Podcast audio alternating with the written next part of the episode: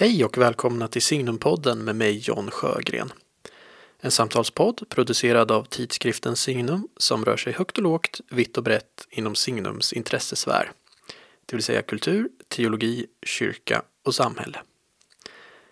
Gäst i det här avsnittet är David Turfjell, religionshistoriker och professor i religionsvetenskap vid Södertörns högskola. David är aktuell med boken En lockton i ödemarken som ur en rad olika perspektiv försöker belysa vad detta svårfångade fenomen som vi kallar för religion egentligen är för någonting. Det blir ett samtal om människans förmåga att besjäla världen, om längtan, om berättelsernas kraft, om tro och om religionens lockande obegriplighet. Hoppas ni ska finna samtalet intressant.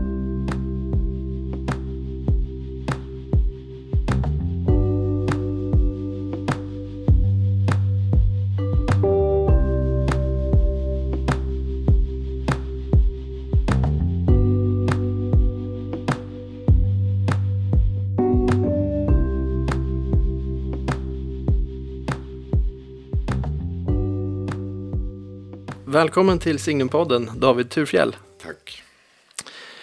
Eh, du har precis kommit med en bok här som heter En lockton i ödmarken.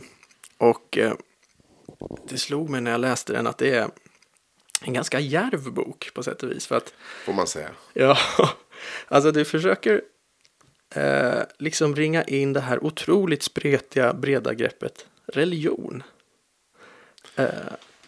Ja, eller, Eller- kanske, jo men det gör jag, men eh, kanske snarare religiositet. Om man gör skillnad Ja. på religion och religiositet. Alltså det handlar ju, det, religion rymmer ju väldigt mycket. Det är organisationer och historia och, eh, och teologiska lärosystem och sådär. Det, det är inte riktigt allt det som jag försöker få med. Men just det här, eh, ska jag säga, den eh, mänskliga, det, det som har med erfarenhet och stämning att göra. Religiositeten alltså. Mm, precis. Uh, ska vi börja? Alltså, för det är en ganska personlig bok också. Den är inte en... eh, jag, jag tycker den kan funka utmärkt som en slags introduktionsbok till religionshistoria som skulle kunna funka på liksom, religionshistoria A eller sådär på, på universitetet. Men det är en ganska personlig bok också. Du behöver in dig själv och dina egna erfarenheter. Ja, men det där är, ja, min förra bok som jag skrev. Den har, eh, som handlar om, den heter Granskogsfolk. Den handlar om liksom, naturerfarenheter bland sekulära svenskar. Eh, och deras kopplingar till religionshistoria. Men eh, där har jag några så här eh, episoder som är personliga minnen och små berättelser. Och så där. Eh, några stycken bara i hela boken.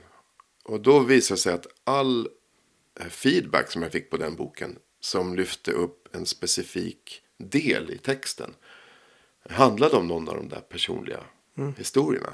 Jag liksom, det var helt slående att det, det är ett oöverträffat sätt att liksom förmedla också teoretiska insikter. Att berätta dem i formen av en liten historia. Liksom, eller det. det här liksom eh, berättelseformatet är svårslaget tror jag när det gäller att förmedla tankar och idéer eller liksom väcka debatt eller väcka diskussioner och så. Eh, och så då tänkte jag att i den här boken ska jag försöka att bara låta dem ta ännu större plats. Så det är en anledning till det. En annan anledning är ju att jag tror inte, om man är intresserad av religiositet, som den här den personliga erfarenheten och vad religion betyder i människors liv och sådär. Och varför de håller på med religion och religiositet.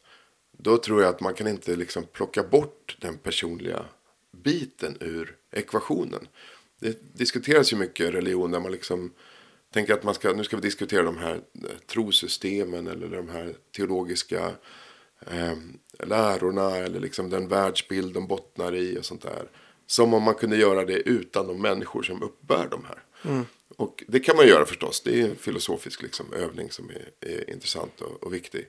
Men vill man förstå vad religion betyder för enskilda människor. Ja, då måste deras personliga eh, ingång i det tas med. För det handlar mycket om liksom, det allra mest personliga. Om de närmsta relationerna. Om ens egna barndomskänslor och sånt där. Och eh, ja, men då har jag liksom försökt skriva om det där utan att plocka bort det personliga. Det. Och ett sätt har varit att ta med mina egna personliga erfarenheter som en sorts Mm. ingång då. Du, du börjar ju boken, för jag tycker det ringer in ganska bra, mm, en stor tematik i boken, din berättelse som du börjar med när du befinner dig i Indien som ung kille, vad är det då, tonåring. eh, Ja, vill du berätta vad det, vad det var som hände där? Ja, men det är en historia. Jag har ju då en sorts koppling till Indien. Alltså, genom mina familjehistorien och att jag själv har bott där i perioder och, och så. Och eh, varit väldigt intresserad av en dragning till indisk liksom, religion och religionshistoria. Och eh, det där började då när jag var där för första gången när jag var 16 år och vi var på, med familjen på en resa. Och eh, vi är ute och åker i någon nationalpark. Det är i Rajasthan. Det är ganska så här en torr, eh, buskig naturområde. Och sen så stannar vi för att dricka te där. Eller mina föräldrar ska köpa någonting i en liten butik. Bara en liten sån här litet stånd längs vägen liksom.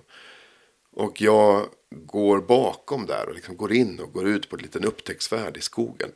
Klättrar upp på en mur och får då höra liksom på andra sidan den här muren en, en plingande ton. Det är någonting som plingar liksom. En, en lockton då. Därifrån kommer ju den här titeln på boken också. Jag hör någonting som drar, drar mig till sig på andra sidan muren inne i, i ödemarken där.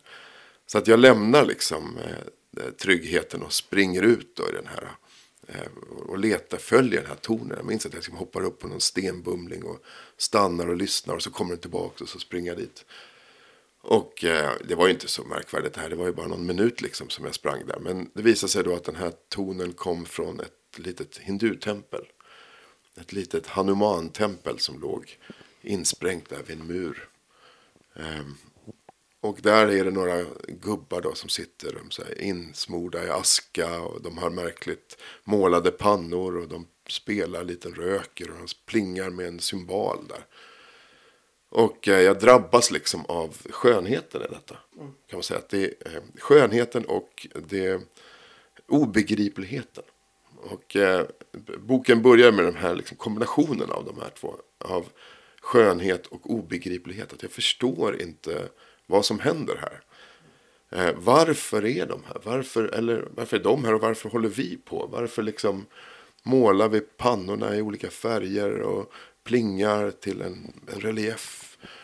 Eh, det har liksom inget instrumentellt värde. Ändå är det något väldigt tilltalande och obegripligt med det. Så det blir liksom en sån startpunkt då för det här religionsintresset. Mm. Och du skriver att det är också någonting, eh, både då som du sagt det är en lockton, det är något lockande, men det finns någonting som är skrämmande i det där också. Ja, det är ju det här klassiska tremendumet fascinosum. alltså att det är både tilldragande och eh, skrämmande. Och eh, också någonting i fenomenet. Att jag... ehm, jag förstår inte riktigt vad det är hos mig själv som också. För jag blir också personligen. Jag, jag har det här religionshistoriska intresset. Jag är också personligen dragen till de här stämningarna. Vad är, vad är det här liksom? Ehm, och sen är det klart att religionshistorien är ju också full av eh, förskräckligheter. Så Visst, att det är inte bara... Eh, det är ju det här att det är ett tveeggat svärd. Att det här, den här förmågan att besjäla och förtrolla då. Som jag tänker att religion medför. Eh, att den kan användas åt olika håll. Och det är både fantastiskt och förskräckligt. Man får hålla de bollarna i luften samtidigt. Liksom. Absolut.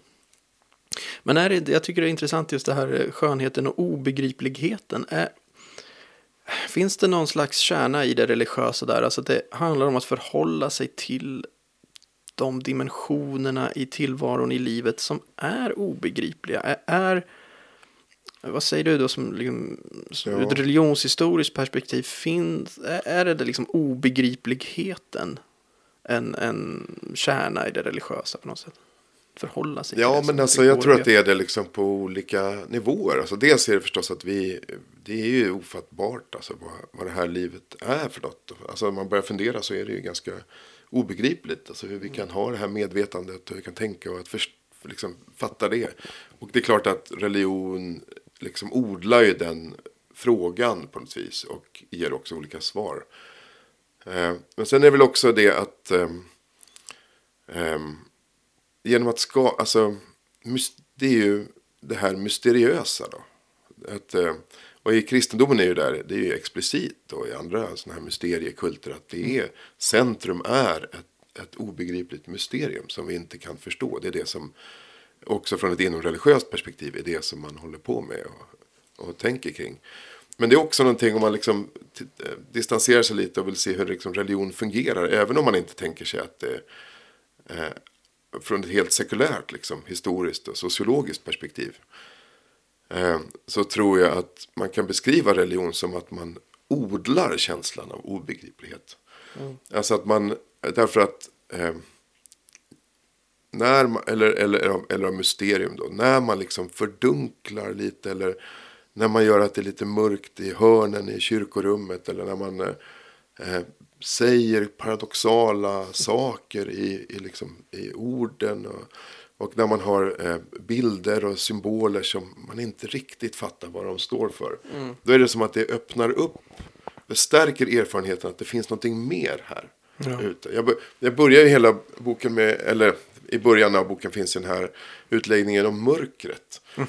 Alltså hur, om man tänker sig att man har en in, inre värld och en yttre värld. Alltså yttervärlden, naturen och allt som finns i rummet. Och så har man sin egna inre fantasivärld. Om det blir mörkt. Då är det som att de här, i, om man bara rent handgripligen släcker ner då. Då upplöses ju gränsen lite mellan det som kommer inifrån och det som kommer utifrån. Fantiserade rädslor för spöken och sånt kan man liksom se då. Och om man tycker om någon och tycker den är väldigt vacker. Ja, då blir den ännu vackrare om det är lite mörkt. För att man liksom man upplöser gränsen. Så att mörkret är ett sånt handgripligt sätt att skapa, öppna upp en, en glipa mot någonting obegripligt. Mm. Och du tar ju upp det där i boken också vill jag minnas, att det finns ju en rent konkret sån, alltså att, att sekularisering, modernisering hör ihop med den rent liksom elektrifiering av, ja. av samhället och att det blir ljusare, det blir mer upplyst, liksom upplysningen ja. rent filosofiskt och upplysningen rent eh, konkret ja. så att säga går hand i hand. Det är den här Tanizaki som har skrivit en japansk, eh, liksom i början av 1900-talet som skriver en bok om glödlampan. Och, mm och eh, han tycker glödlampan är en fullständigt idiotisk eh, uppfinning. Därför vem kan komma på idén att man ska sätta upp en lampa som lyser upp varenda litet skrymsle i ett rum. Hela poängen med ett rum är ju att det inte ska vara upplyst. Och så kan man ju ta eh, exempel då på hur, ja men ta till exempel en teaterföreställning. Då vill man ju ha det här mörkret och sen så kommer det något, en upplyst eh, liksom, scen där händer någonting. Eller när man ska visa en ädelsten så vill man att det ska vara mörkt runt och så bara. Så att den här kontrasten mellan det mörka och det upplysta skapar ju skönhet och förtrollning. Mm. Och det, men det där är ju en sån fin eh, gräns också att gå. med, med att, som du säger, man liksom fördunklar, man kan uttrycka sig i paradoxer och så vidare. Alltså det, eh, om man ska göra en enkel uppdelning, bra och dålig religion. Om man säger det finns ju någon man kan ju använda det där med bara liksom mumbo jumbo. Att, att liksom eh, ja, fördunkla och, och, och liksom med saker som inte hänger ihop liksom. Och sen finns det någonting som faktiskt pekar på en mysteriös, liksom dunkel, någonting okänt som, som faktiskt finns i tillvaron som du säger också. Det finns någonting ja. som är i grunden obegripligt. I, Ja men det där är ju en otroligt svår gräns att dra och ofta glider de då in i varandra och det beror lite på Eh, Eh, perspektivet på den som gör analysen. Om man tar rent handgripligt, om man, alltså många handskrifter och sådär. Eh, jag hade en gång ett uppdrag att eh, ta reda på vad det stod på en hjälm, en osmansk hjälm som fanns, som skulle vara med i en, museiutställning på Östergötlands museum som jag var med och, och, och skrev manus till. Och där fanns det arabisk text på. Och jag kunde inte, jag kan ju läsa arabisk text men jag kunde inte liksom dechiffrera det här. Och det var svårt, jag fick leta runt, runt. Och till, till, till slut fick jag tag på en expert i Storbritannien som var expert på just den här perioden. Och just de här militära attiraljer och deras arabiska kalligrafi. Liksom. Och han kunde uttala sig så här, men det här är ju påhittad arabiska. Alltså det är typ fake, fake arabiska. Därför att poängen med det där, alltså det, kanske inte behöver vara korrekt arabiska för att det ska för den här då osmanske soldaten ge känslan av att ha den där. Eller ta alla de här i Sverige som kanske, eller som man gjorde på 80-talet, tatuerade lite så här kinesiskt tecken. Ah, spelar kanske inte stor roll vad det är för kinesiskt tecken. Stod ofta för frid eller något Ja, någonting. Alltså man behöver inte förstå för att det ska funka. Så gränsen mellan kvacksalveri och eh, mysti mystifikation är ju liksom Eh, ordet. För. Och där krävs det ju alltid liksom urskiljning, eh, tänker jag.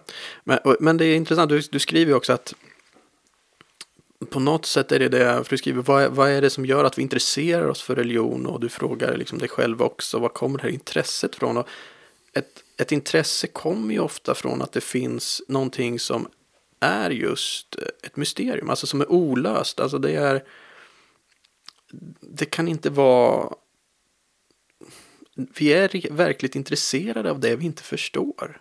är det inte så? Ja, det där tyckte jag var intressant för Det mig. vi För- förstår är Ja. tråkigt liksom.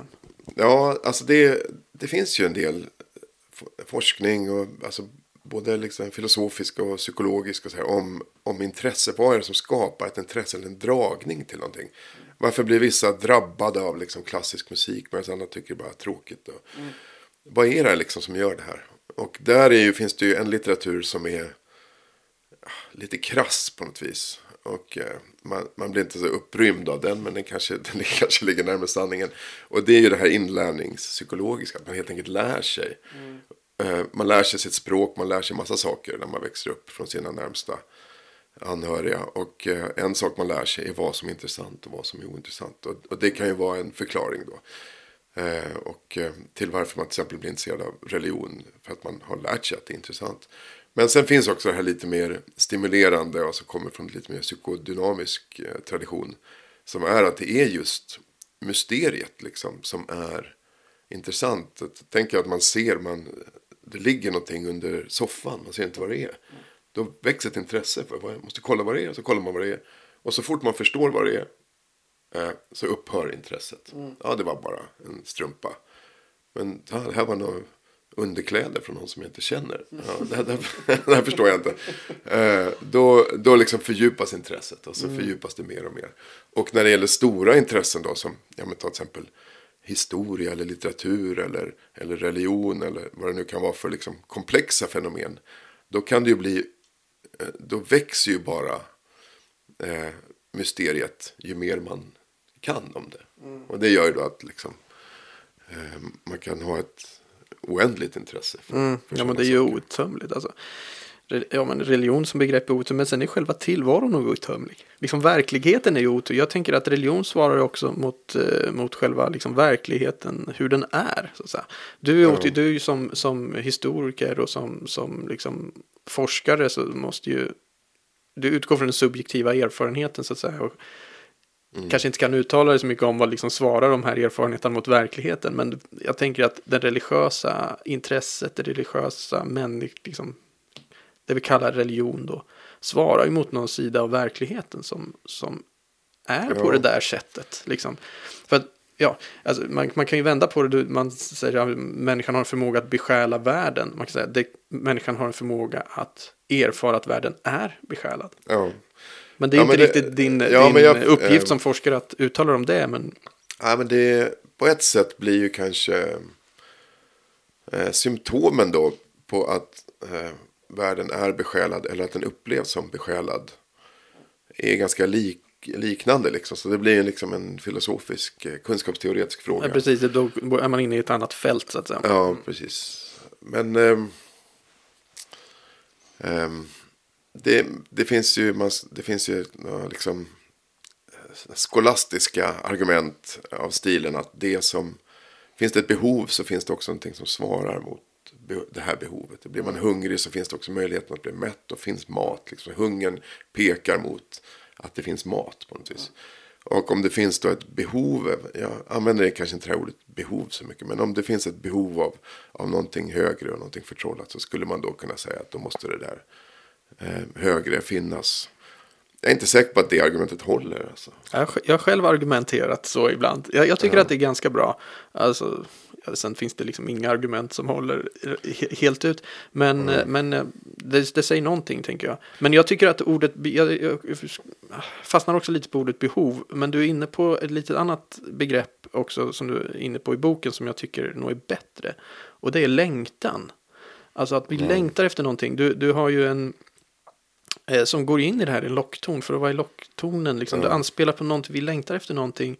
Du, har, du tar också exemplet med det här eh, Wind in the Willows, eh, The Piper at just the det. Gates of Dawn. Det, Ja, det just finns någonting som liksom lockar på oss där.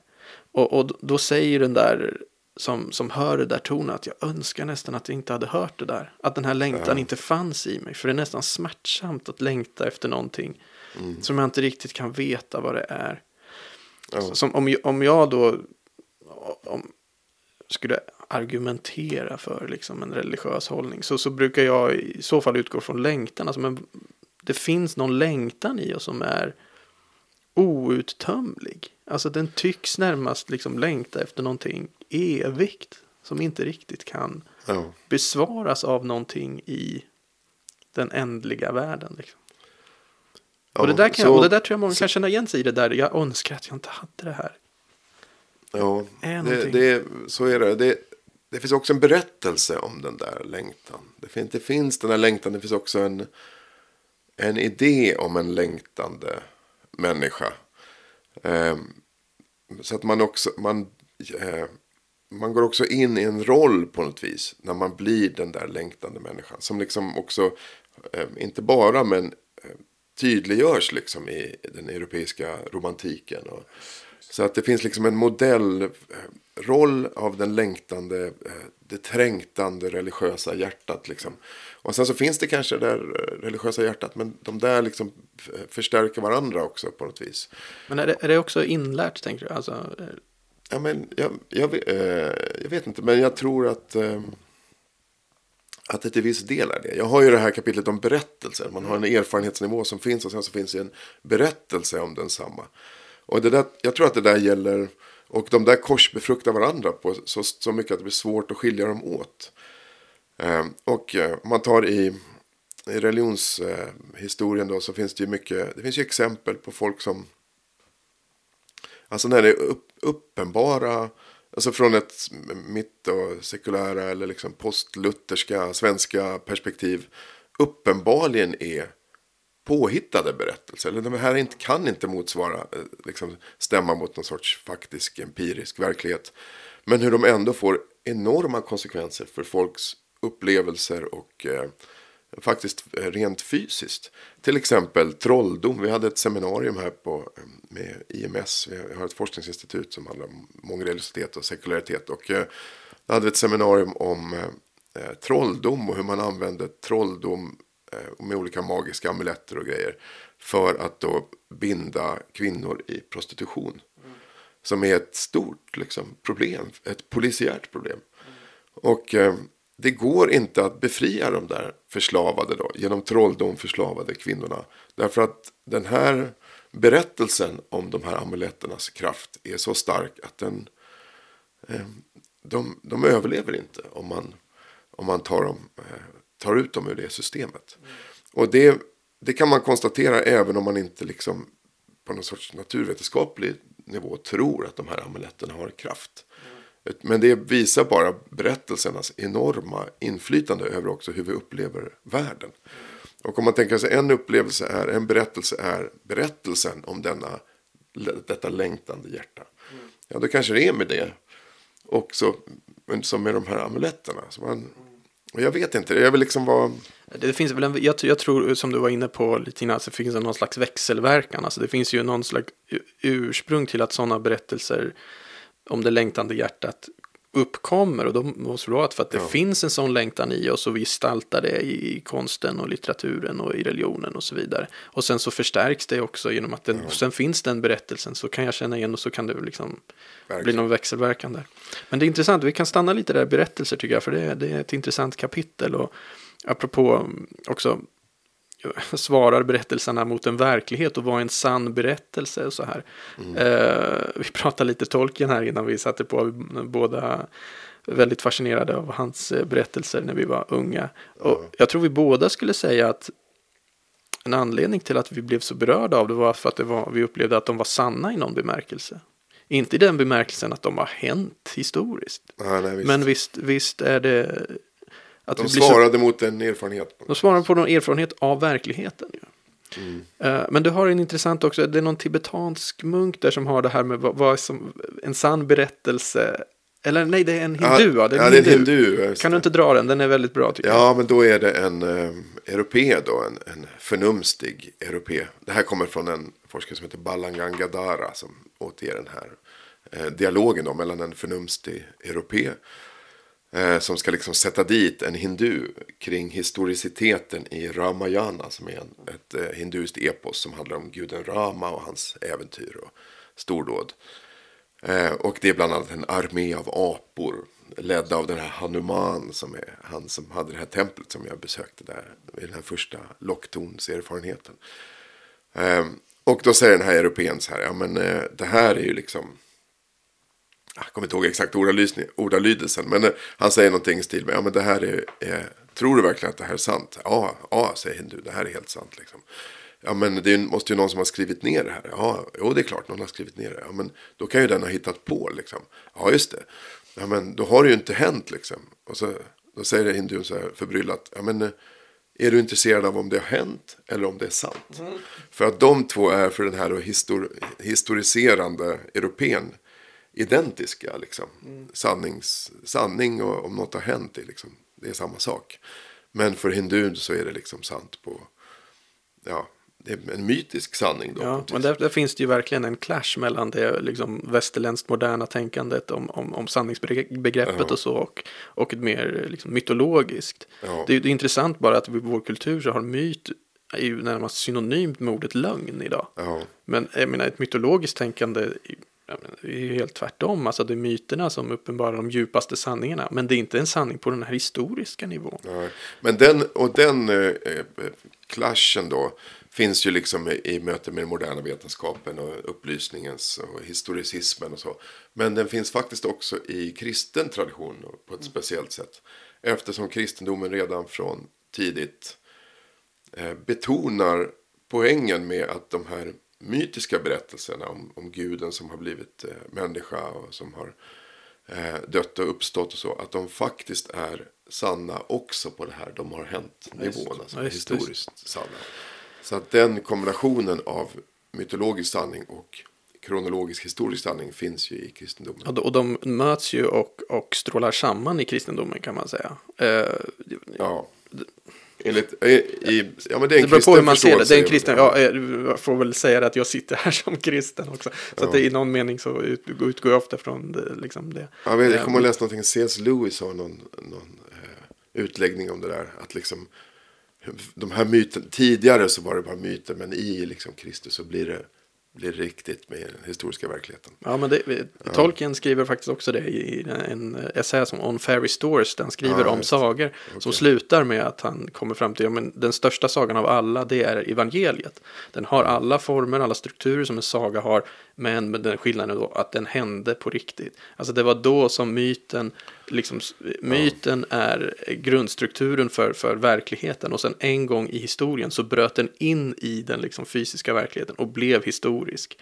Eh, så, så att liksom, det, är, det är myt och det är historisk verklighet. Och det där kan ju vara väldigt då, svårt att få ihop. Och, här, och där skiljer sig förstås ett, ett inom konfessionellt kristet perspektiv från ett religionshistoriskt. Ja, precis. Men man kan ju se det, eller om man ser det mer då, från ett religionshistoriskt så kan man se hur går det där till att, eh, att det mytiska och det historiska vävs samman på ett ganska undligt sätt, får man ju säga. Ja, Finns det någon Ja. annan religion som liksom gör på det sättet? Att man säger liksom det, det mytiska och det historiska har mötts? Och... jag tror, jag tror inte att det är kanske ingen som gör så stor eh, gör en så stor affär av denna. Det är liksom en viktig poäng i. Jag har ju ett kapitel om trosbegreppet där, Pa- Paulus trosbegrepp. Och där är ju de här två, eh, eller de här olika liksom aspekterna av. Det är kanske inte riktigt indelat då i det mytiska och det historiska, men olika ska jag säga, nivåer av eh, en, ett påstående som smälter ihop på oförutsägbara och eh, paradoxala sätt. Och det är ju en, en viktig liksom, poäng i just den kristna eh, förkunnelsen. Att man, hop, man hoppar mellan att, att eh, förmedla någonting genom paradoxer. Det gör man ju hela tiden. Det är, han är, eh, Kristus är född av Fadern till exempel. Och, och han är, har kommit men han ska också komma. Han är Gud och människa på samma gång. Det är mytiskt och det är samtidigt historiskt. Det är, en, mm. det är, en otro, det är liksom ett retoriskt eh, grundgrepp i kristendomen. Eh, utifrån ett kristet perspektiv skulle man säga så här, ja men det svarar mot att tillvaron är paradoxal. Men ut, ja. utifrån kan man ju säga, kan man lika gärna säga att ja men det där är ju ett, ja men kan vi gå in på det då, ett språkspel. Ja, det där det. det blir ett, eh, ja. en lek med eh, föreställningar liksom. Ja men då är det ju det här att man har varje språkspel eller varje, varje religiös tradition eller teologiskt liksom, system har också sitt eget, sin egen måttstock efter vilken man ska mäta teologiska system. Och eh, då kommer man alltid hamna, eh, eftersom måttstocken är baserad på det egna teologiska systemet så kommer man alltid bli det bästa systemet.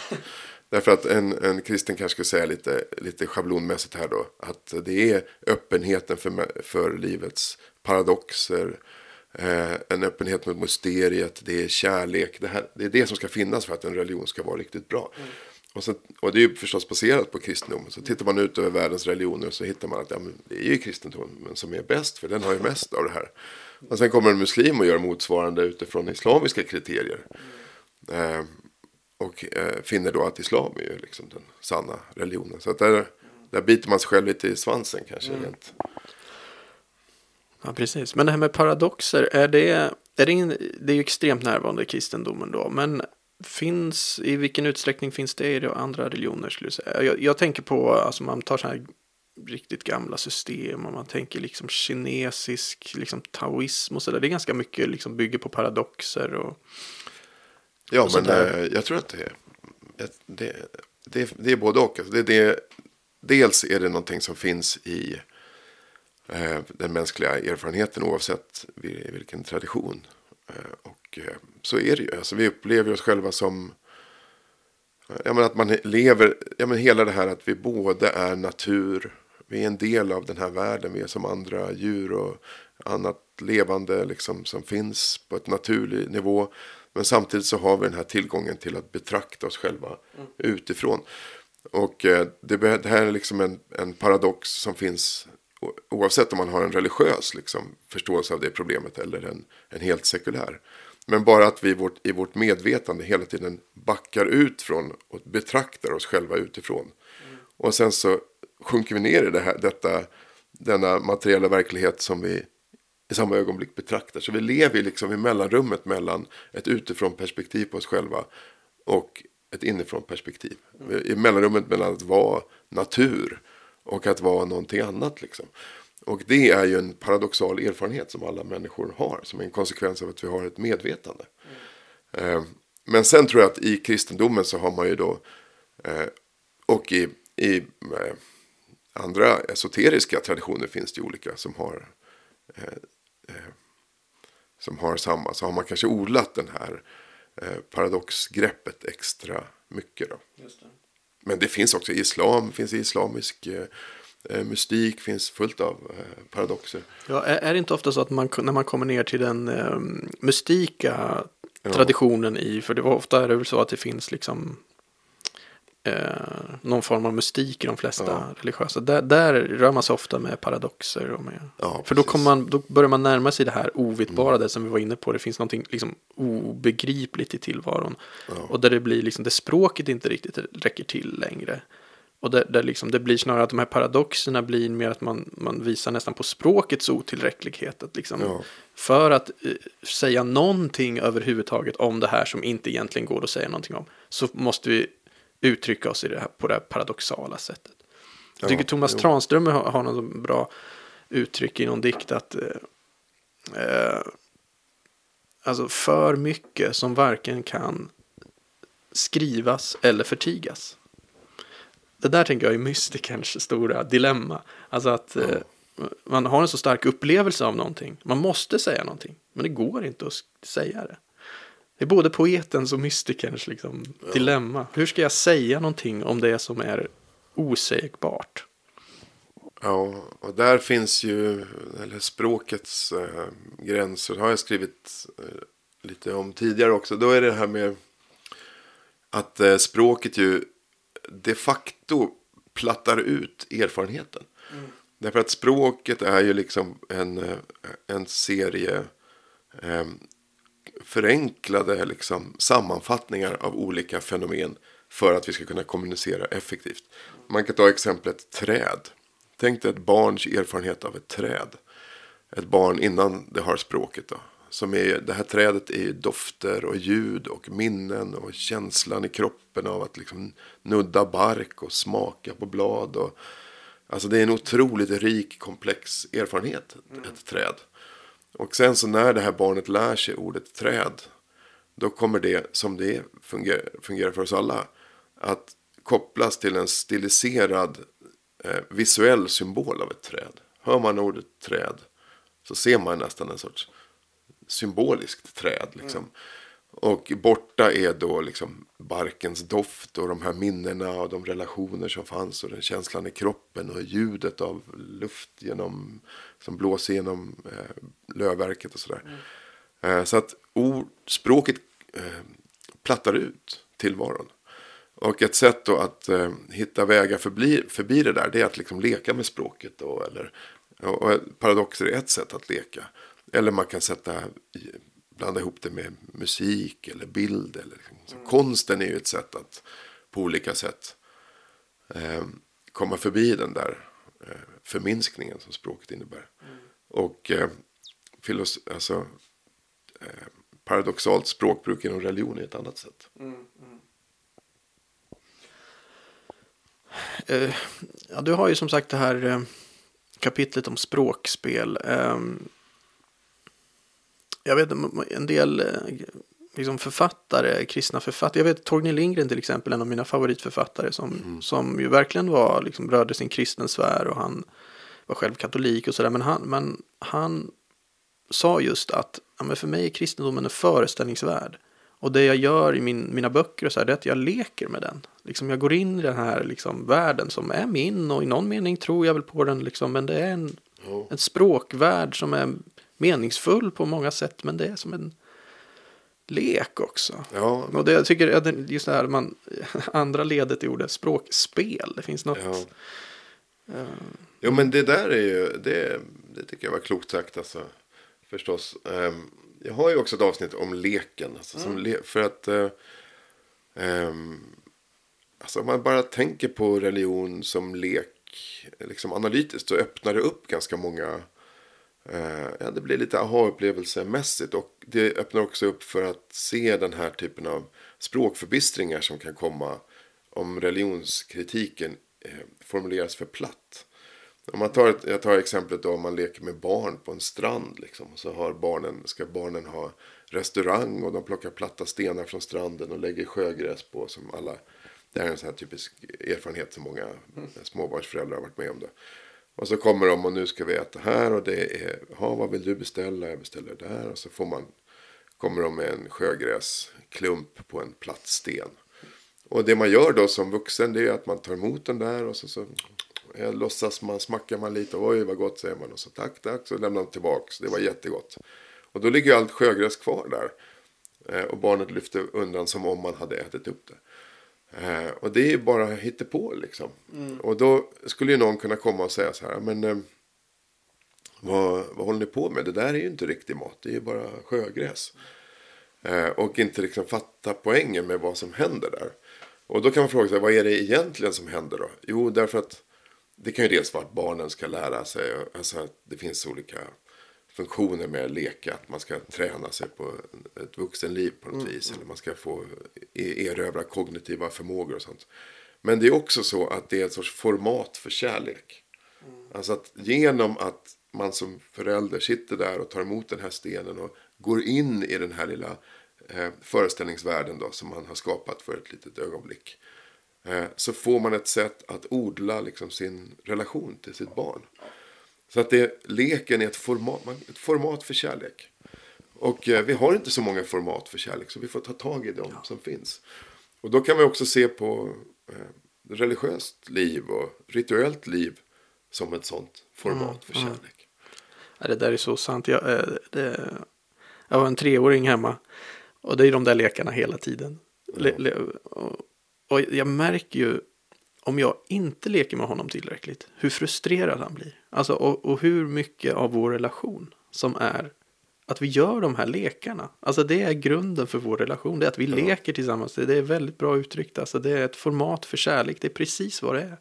Ja. Och i indisk tradition så finns ju det här ordet lila som betyder lek. Och som man också använder i sin egen förståelse av sina ritualer. Alltså varför ska man hålla på och hälla olja och smör och yoghurt över en, en gudastaty och mm. gå runt och säga de här orden. Men det här är vår, det är leken liksom. Livet är den här leken och religionen är liksom eh, komprimerad form av det. Mm. Ja, det. det. där går in på en sak som, som jag eh, till viss del kan sakna lite grann i boken. Eh, nu är det som vi sa innan, det är liksom det stora fenomenet religion, man kan inte skriva om allt. Men det är, för det här går in i begreppet tillbedjan tror jag, och dyrkan. Alltså att, att, att få rikta sig själv mot, och sin tacksamhet kanske också, för själva existensen och för själva tillvaron. Mm. Rikta den mot något liksom konkret objekt Finns inte det där också som en slags grund för det religiösa? Man går liksom långt tillbaka. Också ja. ett offer, att offra, att liksom vad ger någonting utav skapelsen tillbaka till det vi upplever som skapelsens själva källa. Liksom. Det där är något eh, ja, djupt. Det, det finns mänskligt. ju med fast kanske inte sådär positivt inte, så formulerat. inte så explicit. För att jag har ju det här kapitlet om makt. Och då finns ja, ju viljan till makt. Men den kompletteras av viljan till underkastelse. Att ge sig själv, att, att, att, att ge sig själv till någon annan. Att ge bort sig själv. Du har helt rätt, det finns med där. Eh, så där finns det där med. Eh, ja, men det är ju en... Eh, men det är ju en kärlekshandling också i någon mening, tänker jag, det här med tillbedjan. Det, det är ju också att, eh, eh, ja. tänker jag, vi har någonting Ja, men det, det, finns absolut, jag är helt med på det här du skriver i boken, eh, behovet av underkastelse eh, finns som, som kan vara eh, lika negativ som positiv och den kan ju verkligen utnyttjas och sådär. Och det här att man då, eh, ja, men erfarenheten av att man får genom att ge på något vis. Det är väl det ja, kanske. Ja. Och den, alltså, de flesta kapitel har ju det här upplägget att jag först pratar om de här grejerna de olika teman och berättelser och makt och underkast och sånt. Liksom generellt utan att knyta in det till just religiös underkastelse. Det här är ju någonting som, när det gäller det här och längtan efter makt, alltså vi vill dominera andra, vi vill också ge oss själva. Det är liksom två, två sidor där kanske av hur vi fungerar. Um, men då är det ju någonting kanske i just den romantiska kärleken då, som de flesta, eh, om man har tur då, får uppleva den där Eh, att, att ge sig själv till någon. Eh, och därmed liksom bli, få någonting. Mm. Att det, att, vilket är ytterligare en sån där paradox då, som kanske svarar mot hur tillvaron är. Men är inte den eh, romantiska kärleken, eller jag skulle vilja till och med säga den erotiska kärleken, eh, så nära det liksom, i det sekulära som man kommer det religiösa? Alltså både det, bara ja. hur man uttrycker sig liksom när man ska försöka sätta ord på den erfarenheten. Men mm. också vad den erfarenheten faktiskt innehåller. Jag ja. tänker också på det, liksom det finns en extatiskt element i det. Ja. Uh, jag hade faktiskt ett helt kapitel som jag, jag tog bort det. Ja, du tog bort det? Varför, varför, tog du bort det? Ja, det var... Ah, jag fick, jag fick inte riktigt... Det är, svår, det är svåra saker att det, sätta ord på där. Ja, men det, det handlade också... Det handlade dels om det, men det handlar också om hur, hur flowet i texten. Jag vill att den ska bara svischa fram den här boken. Den stannade upp lite på något vis. Ehm, men jag får väl utveckla det. Men då är det alltså, det är ju slående då. Det är nästa bok, hela. Ja, ja det kan det bli. Ehm, det är slående då hur då ehm, hur snarlika de här erfarenheterna är. Alltså, hur, alltså den här erotisk, romantisk kärlek och religiositet Alltså de delar väldigt många eh, sidor. Och både i det här, liksom, den här tveeggade svärdet, alltså att, att det kan vara någonting storslaget. Det kan också eh, leda till makt, eh, fullkomlighet och utnyttjande på liksom svår, eh, svåröverträffat destruktivt sätt. Det är också inslagen av att navigera förbi intellektet. Mm. Att det liksom... Eh, eh, det här är någonting annat än bara ett förnuftsbeslut som är i, i, i vardande. Plus hela det här liksom, det estetiska inramningen. Att det är lite dunkelt, det är lite obegripligt, det är lite... Eh, det är dominans och eh, självöverlämnande mm. i eh, motsägelsefulla kombinationer och sånt mm, Det har ju verkligen makt och underordning i liksom, ja, alltså samspel det, också. Det finns väldigt mycket som... Eh, många, många beröringspunkter där. Det, för det tycker jag är intressant eh, också generellt. För att det, det, skulle jag säga är lite temat i ditt eh, författarskap överlag. Är väl lite, om man ser på dina tidigare böcker också, här Granskogsfolk och, och Gudlösa folket också. Alltså att en idé som kommer tillbaka är att, eh, som du formulerar i den här boken, allt som finns i religion finns också utanför. Alltså att oh. det sekulära är också de, det går in i vartannat och det sekulära är kanske lite mer religiöst präglat än vad vi tror. Vi är kanske inte så sekulära mm. som vi föreställer oss och sådär. Är ja, inte det där någon slags ja, grundidé som finns hos dig? Eh, jo, men det är det. Och eh, det beror eh, på en eh, frustration över en alltför tydlig dikotomisering av det religiösa och det sekulära. På olika nivåer. Liksom. Både religiösa som tänker, alltså explicit religiösa personer som gör sig själva till en sorts en särgrupp då. Som kanske kan se på det sekulära som platt och, och eh, av, befriat från existentiellt djup och sånt där. Mm. Alltså en sorts eh, nedlåtande av sekulära uttryck för, för, för, ja, men för hur man tänker och lever och gestaltar sitt liv mm. i sekulära former. Eh, men också att det är liksom ett analytiskt felslut. Att det finns en sorts, och det finns ju det här annangörandet av religion som har helt dominerat vår liksom religionssamtal de senaste hundra åren. Att religion är någonting som tillhör det förflutna, som tillhör andra. Mm. Eh, eh, där man inte ser sig själv som eh, religiös, även om man kanske är det på olika sätt. Och att man skapar de här enkla tudelningen. Så att man inte ser det. Religiösa ser inte det det som sekulära har och sekulära kanske framförallt förstår inte att det som religiösa har svarar mot erfarenheter som de själva har och mm. måste hantera. Det är en förenkling liksom, som plattar ut och eh, eh, som är ointellektuell. Mm.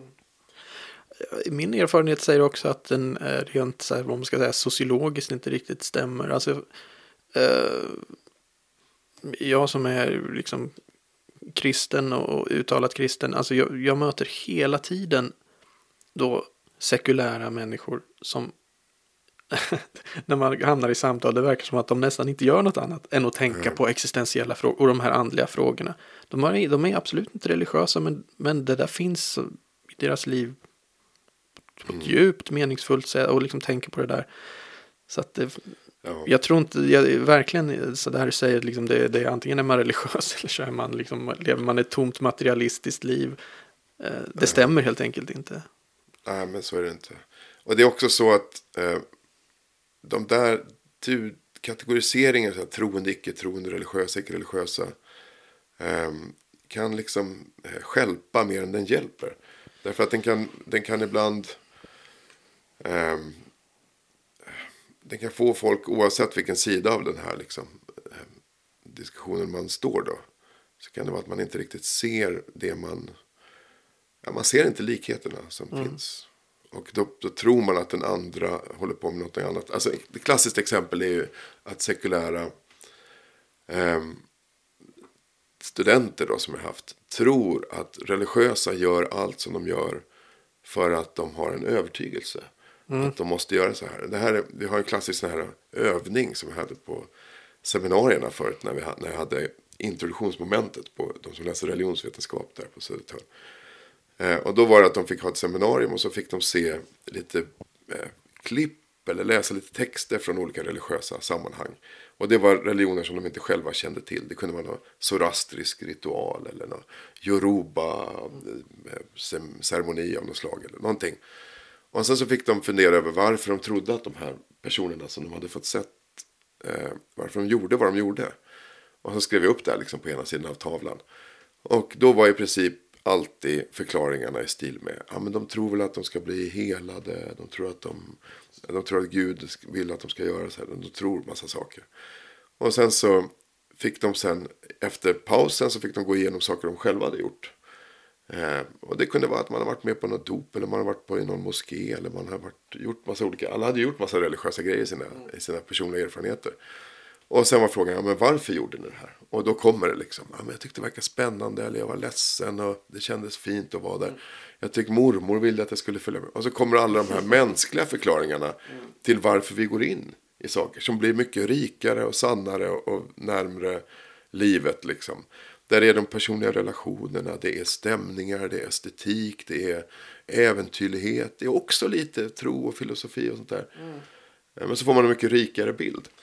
Och om man då har det här annangörandet av religion och tänker att religiösa är på ett annat sätt. Då ser man ju inte att ja, men de, även i tydligt religiösa sammanhang så finns det här, alla de här aspekterna också med. Ja, men beror det inte lite på, det har du ju varit inne på både i den här boken och, och, och i, i, tidigare, alltså att begreppet tro är så centralt, har blivit eh, det i svensk kontext, är liksom vår postlutherska, att, att det här. Ja.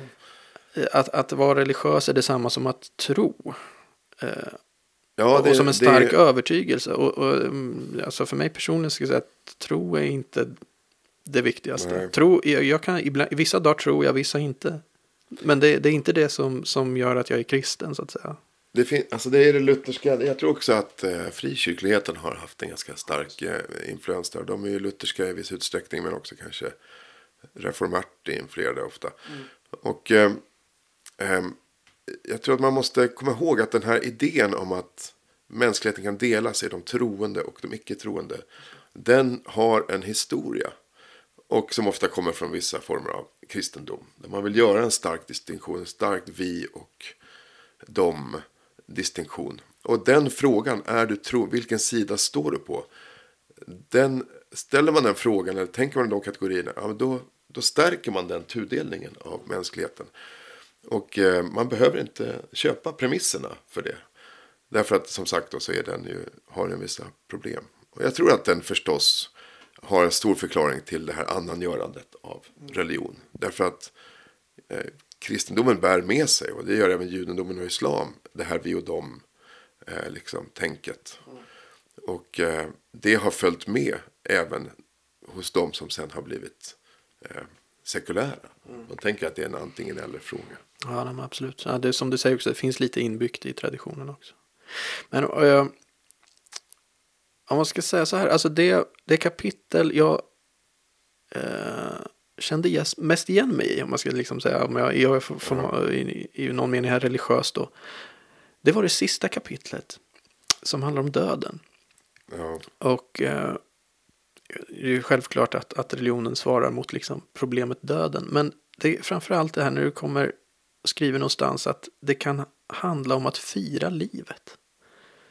Mm. För mig är det liksom kärnan. Eh, men det kan vara högst subjektivt så att säga. Men jag tror att det kan gälla för ganska många ändå. Att, att det finns ja. ett djupt behov av att liksom. Ja, nej, men jag tyckte det uttrycket eh, fira livet är bra. I, I någon slags liksom såklart med döden som mot dödens bakgrund liksom. Ja, men det, det var ju roligt att höra. Alltså jag, jag har en gång eh, lite på skoj tänkt att en definition av religion skulle kunna vara party management. Alltså festfixeri.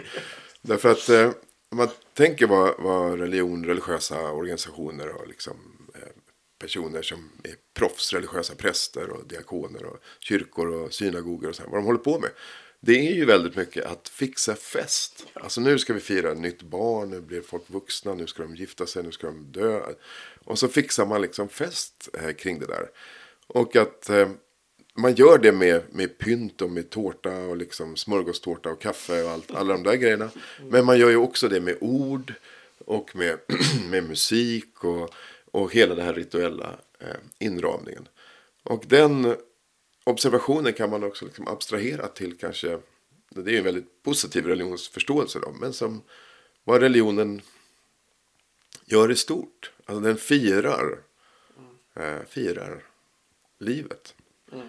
Eh, I i vetskap om att det inte är någonting man kan ta för givet. Liksom. Men det gäller ju alla fester. Att, har, har, Ja. Alltså även sekulära fester. Har det varit någonting allvarligt som har hänt innan. Ja, då blir ju glädjen desto större. Mm. Liksom. Att när, närheten till det allvarliga och sorgsamma gör ju också glädjen starkare. Just det. Det finns ju något tanke, det finns en, en katolsk filosof som heter Josef Pieper som har skrivit om det där att, att eh, det, firandet måste vara en kult så att säga, för det måste vara riktat mot liksom, liksom livets källa och, och, och, och, och i en tacksamhet liksom ritualiserat på det sättet. Där om man tar bort kultelementet så blir det, alltså om man då drar det till sin spets, hedonism istället. Då blir det liksom firandet vänds inåt på något sätt. Det måste vara Ja, vänt just det. ut. Det är det som gör att det liksom just det religiösa firandet blir liksom den rätta typen av firande. För då Ja. är det liksom ett, ett firande för livets skull, för till, liksom, man firar själva existensen. Liksom. Ja, men det där, det där ligger nog något i.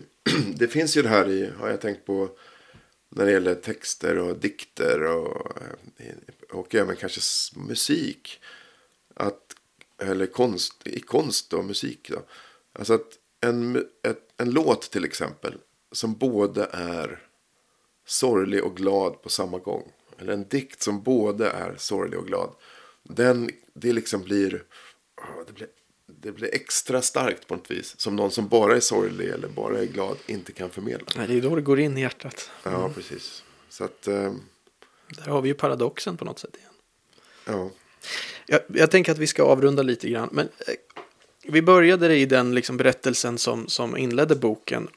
Eh, kan vi inte avsluta i den berättelsen som avslutar boken också? För den, den är också lite intressant. Jag tänker det här är signum, en katolsk, Ja, eh, kat, lite katolsk eh, Ja. podcast här. För du berättar om väldigt fint eh, och, eh, en, eh, en resa till Lord.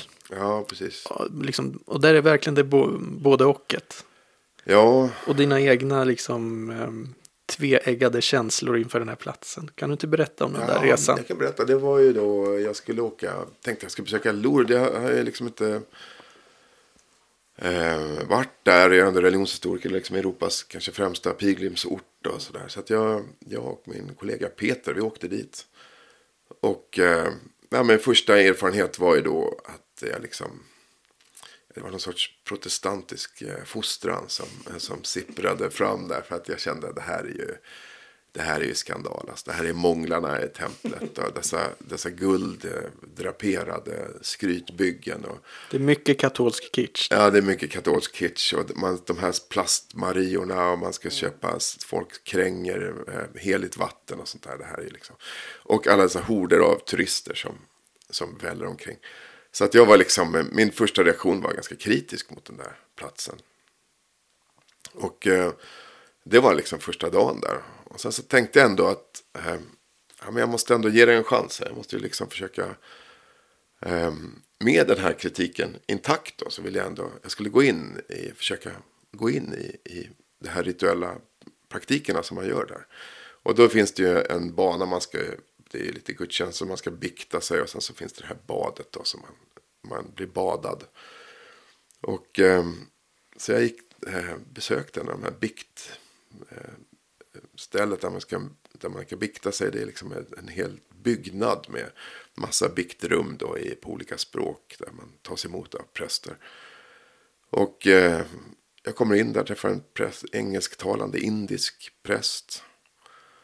Och eh, jag är då lite beredd på liksom att göra någon sorts eh, syndakatalog kan man säga. Eller jag, jag var ju kvar i den här skeptiska eh, liksom, eh, sinnesstämningen på något vis. Men jag hade ju då turen att träffa en otroligt klok präst.